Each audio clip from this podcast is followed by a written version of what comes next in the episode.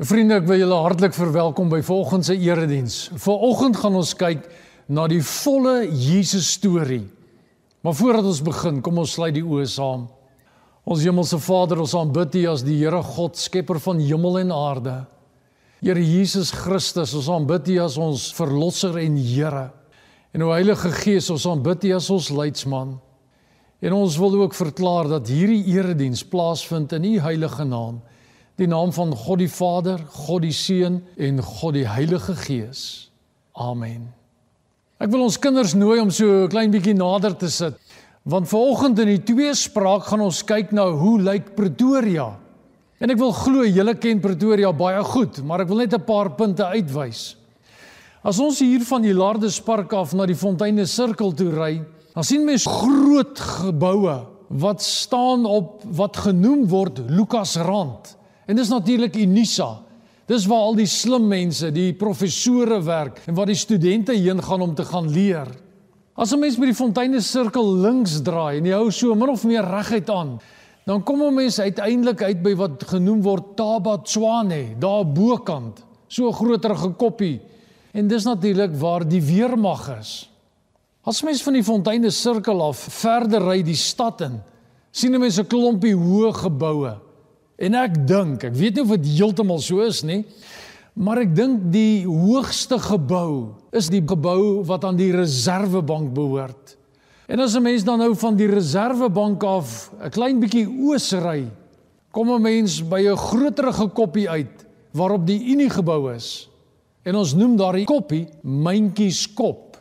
Ek wil nou vir julle almal nooi om saam met my die volgende twee spraak te doen wat geskryf is na aanleiding van Psalm 121. En ek begin. Rondom Pretoria is daar berge, koppies, rande en heuwels. Waar sal ons hulp vandaan kom? Kom ons hulp van myntjies kop, die setel van politieke mag. Nee, ons hulp kom van die Here. Kom ons hulp van Taba Tswane, die setel van militêre mag. Nee, Ons hulp kom van die Here. Hy is ons skild en veilige vesting. Kom ons hulp van Lukas Rand, die setel van intellektuele mag. Nee, ons hulp kom van die Here. Kom ons hulp van die Reservebank wat uittroon bo Pretoria se geboue, die setel van ekonomiese mag. Nee, ons hulp kom van die Here. Hy sorg vir die lelies van die veld en die voëls van die hemel en ook vir jou en my. Gemeente, waar sal ons hulp vandaan kom?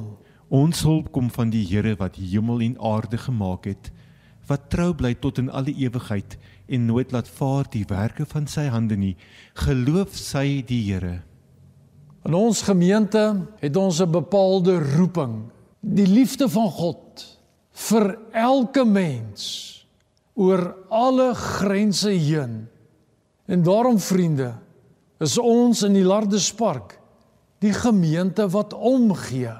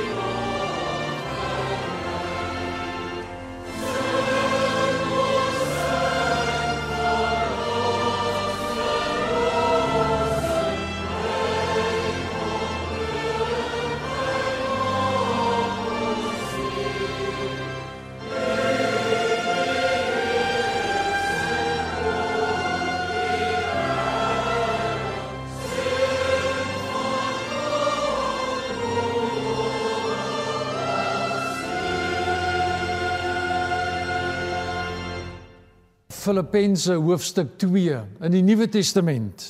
Filippense hoofstuk 2 is 'n baie baie bekende teksgedeelte wat ek volgende vir ons gaan lees. In die proses wil ek 'n bietjie verwys na die volle Christus verhaal. Filippense 2. Kom ons bid saam.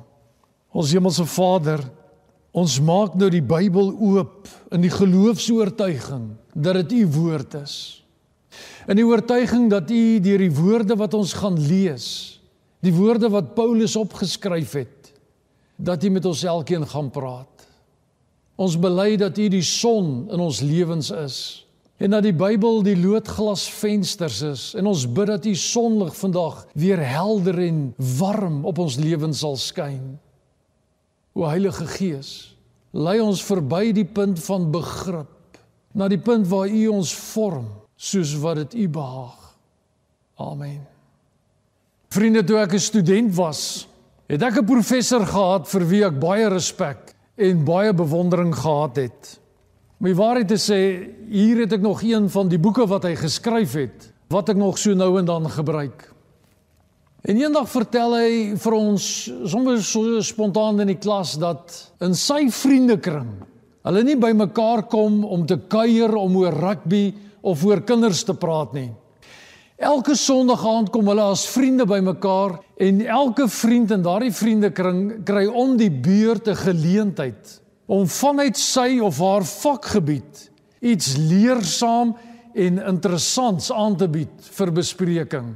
Dit het 'n groot indruk op my gemaak. En ek moet eerlik wees as student het ek dit geïdealiseer. Maar as ek nou vandag kyk na die werklikheid van my eie lewe, dan het dit in my lewe nie so uitgedraai. Nogtans is ek nie daaroor spyt nie. Want ek het ook geleer dat die lewe uit stories bestaan. En ek sien met die roudienste waarvan ek ongelukkig baie het om te hou. Wanneer mense by daardie geleentheid fotos van die oorledene vertoon, dan is dit fotos van stories. Die sin en die betekenis van ons lewens besef ek dan opnuut weer bestaan in stories. Want die fotos vertel die storie van die lewe. En dis wat ons waardeer aan die einde van ons lewe. Nou wanneer ek en Suzette met vriende kuier, dan is dit altyd so 'n bietjie 'n tong in die kies vraag tussen my en haar as ons 'n storie moet vertel. Ons vra vir mekaar, gaan ons die langer of die korter weergawe van die storie vertel? Want ons twee het, seker soos baie egpare, afsonderlike vermoëns as dit by die langer of die korter weergawe kom. Die een vertel graag die langer weergawe en die ander een vertel net die korter weergawe. Die probleem met die langer weergawe van 'n storie is dat dit baie tyd in beslag kan neem en soms addisionele elemente inbring wat dalk nie regtig ter sake is nie. Die probleem met die korter weergawe daarenteen is dat menige feite uitgelaat word en dat dit die hoorder se prentjie skeef kan beïnvloed. Dis nie die volle perspektief wat eintlik deurgegee word nie. Nou wat het dit alles met die storie van Jesus te doen? Vriende, ek dink ons almal, ons dominees ingesluit, het grootendeels die geneigtheid om net die korter weergawe van die Jesus storie te vertel met die gevaar dat dit ons met 'n skewe beeld van Jesus kan laat. Ek onthou jare gelede toe ons in ons gemeente ons gemeente se embleem moes kies, het ons besluit om op die opstanding van die Jesus storie te fokus.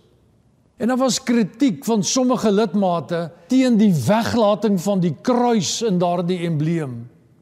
My argument was dat 'n mens nie die volle verhaal in 'n embleem kan uitbeeld nie. Die kruis word veronderstel. Nogtans bly ons gemeente se embleem 'n voorbeeld van hoe ons met verkorte weergawe kan werk. En die gevaar is dat jy een element so dominant kan gebruik dat die ander vergeete raak of uitgesluit word. Ja, ons sê inderdaad, die ander dele van die verhaal word veronderstel. Maar dit kan gebeur dat 'n mens dit in die praktyk geheel en al vergeet te laat. Nou vandag wil ek jou innooi in die langer weergawe van die Jesus storie.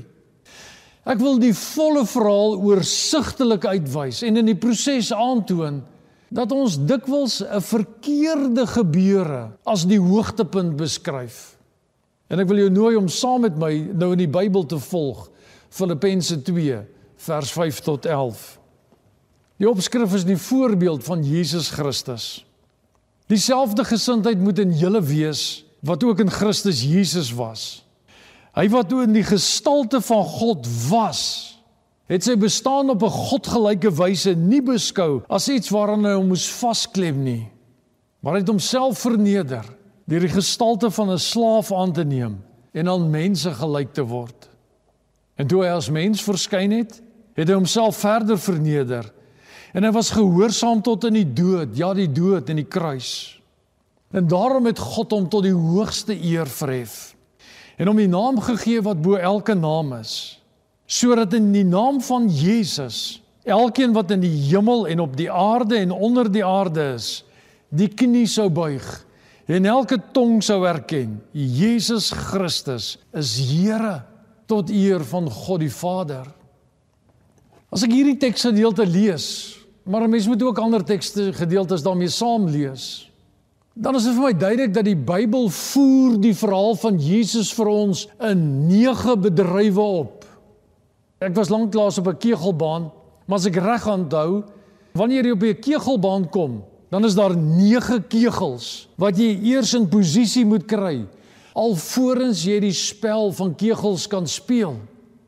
En ek wil sê, wanneer ons die verhaal van Jesus wil verstaan, dan moet ons eers al 9 kegels op hulle plek sit moet ons elkeen van hierdie bedrywe afsonderlik bekyk, maar dan veral hulle gesamentlik in die oog hou.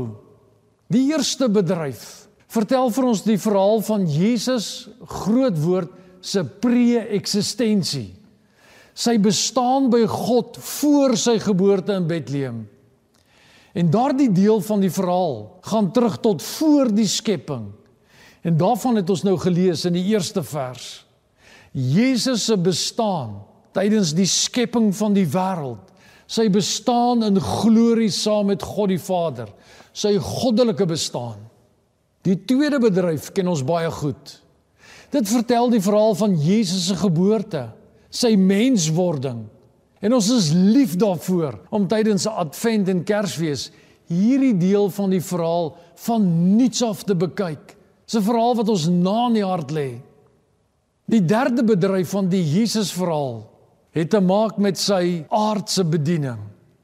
Hoe hy in Galilea rondgegaan het en die mense in gelykenisse geleer het. Hoe hy siek mense gesond gemaak het en hoe hy duiwels uitgedryf het. Dit is 'n belangrike deel van die Jesus verhaal. Die vierde bedryf ken ons baie goed. En ons is lief vir daardie deel van die verhaal.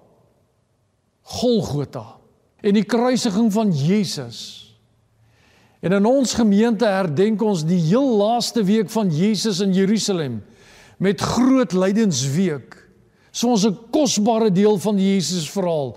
En daarom het ek begrip daarvoor dat daar mense was wat gevoel het dat die kruis moet deel wees van die gemeente se embleem.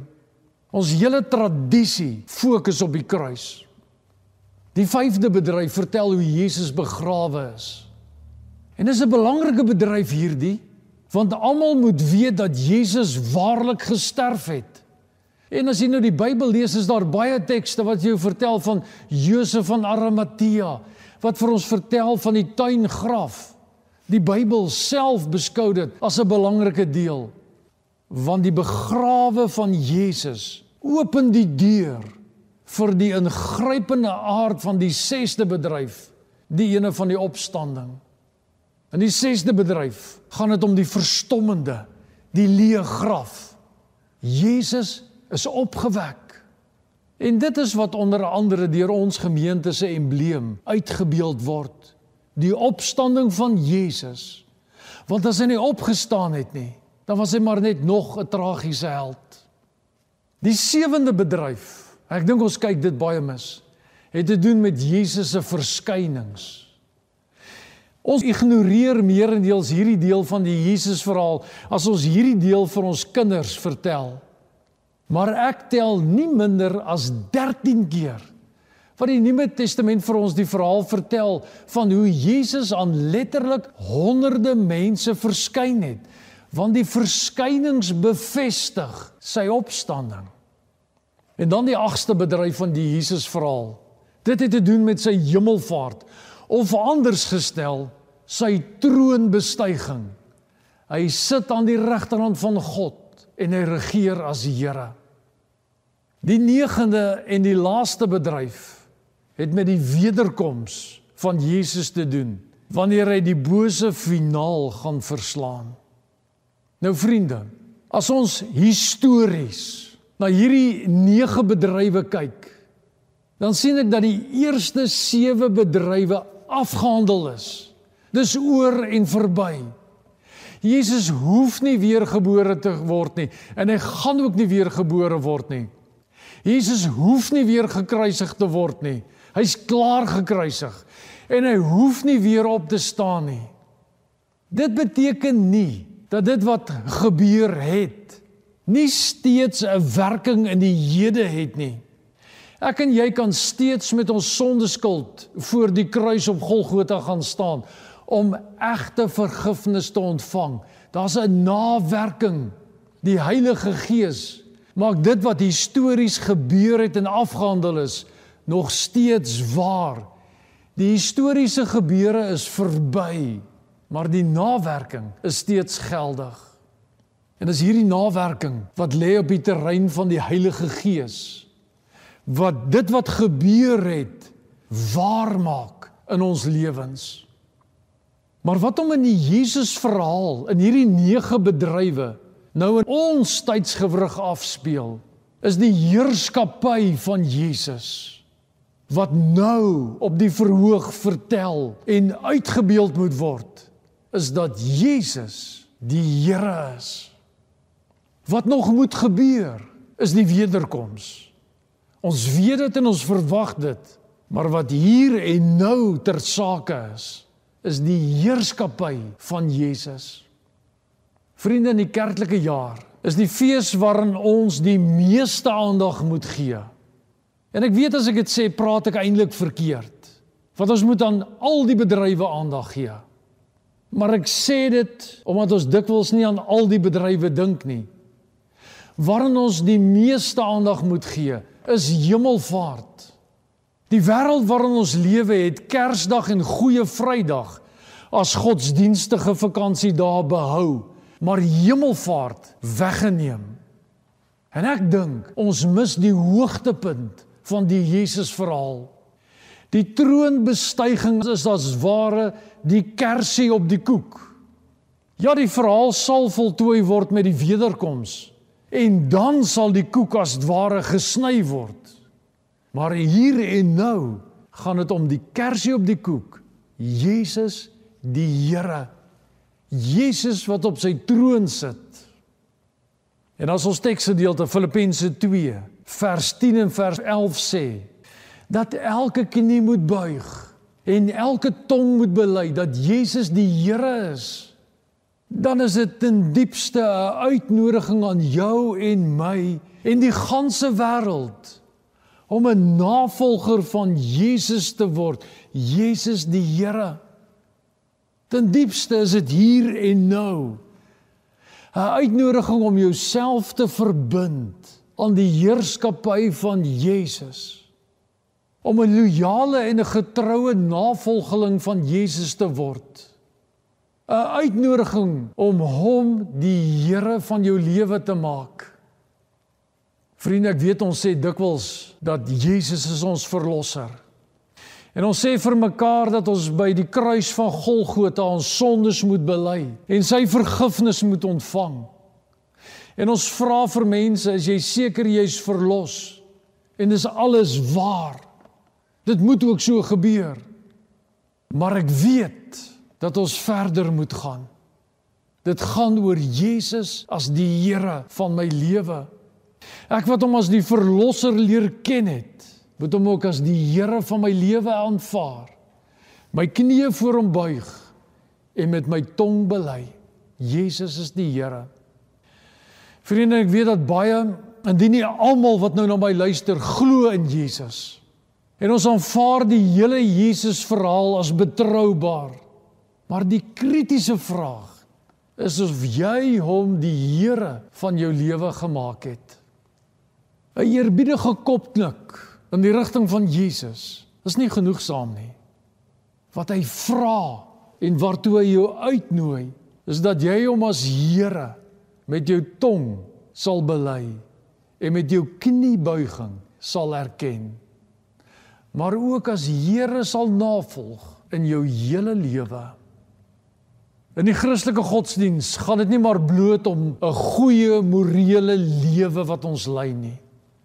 Dit gaan om 'n persoon. En in die Jesus verhaal gaan dit om Jesus as Here van ons lewens. As ons weer moes werk aan 'n embleem van ons gemeente, dan dink ek sou ons oorweging daaraan kon skenk om Jesus op sy troon uit te beeld. Nie omdat die ander gebeurtenisse onbelangrik is nie, maar miskien omdat op hierdie stadium Jesus op sy troon sit. Vriende, ons leef in 'n wêreld waar die mens mondig geword het. Waar individualisme voorop staan. Waar die mens self besluit en die eie voor en afkeure in die beslissing van die individu val. Ons het die seggenskap. 'n Verlede week hoor ek 'n gesprek hoe mense praat dat baie van vandag se jong mense leef asof hulle entitled is. Die entitlement, dis die woorde wat hulle gebruik in Engels. Dinge kom hulle toe. Nou weet ek nie of watter mate dit waar is nie en of dit net ou mense is wat so praat oor jonger mense nie. Maar so 'n wêreld waar 'n mens al meer leef asof dinge jou toekom. So 'n wêreld maak dit nie makliker vir 'n mens om die gesag van jou lewe buite jouself te vind nie. En daarom is die Jesus verhaal 'n radikale verhaal. Want die uitnodiging is om hom, die Here, die gesag van jou lewe te maak. En dis aangrypend in ons wêreld. Dis amper asof as ek 'n metafoor kan gebruik, dis amper asof ons as mense almal visse hier op aarde in seewater is. Terwyl ons wat dan kies om Jesus die Here van ons lewens te maak, Ons kies om varswatervisse te wees in hierdie omgewing. In 'n ander soortige konteks is ons as Christene mense wat kies om onbeskaamd, onvoorwaardelik en sonder reserve navolgers van Jesus die Here te wees. En ek wil jou vandag uitnooi om saam met my die lied Hy is Heer te sing. Maar wanneer jy dit vandag sing, gee jy 'n tree vorentoe om jou knie te buig. En wanneer jy dit sing, gebruik jy jou tong om met jou tong te bely: Jesus Christus is my Here. Ek nooi jou uit om verder te beweeg as 'n blote kopknik in die rigting van Jesus. Ja, die verhaal is betroubaar om verder te beweeg as iemand wat die Jesus storie aanvaar. Om te beweeg na iemand wat inkoop op hierdie storie sodat dit die storie van jou lewe word. En daarom sing saam met my hierdie lied as 'n verbintenis, as 'n belydenis, as 'n kniebuiging.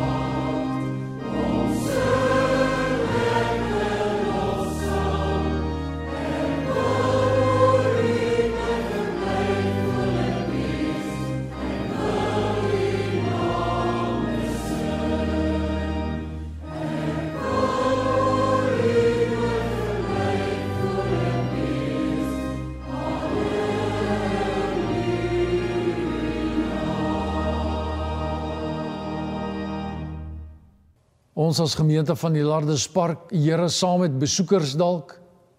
Ons wil dit vandag opnuut bevestig.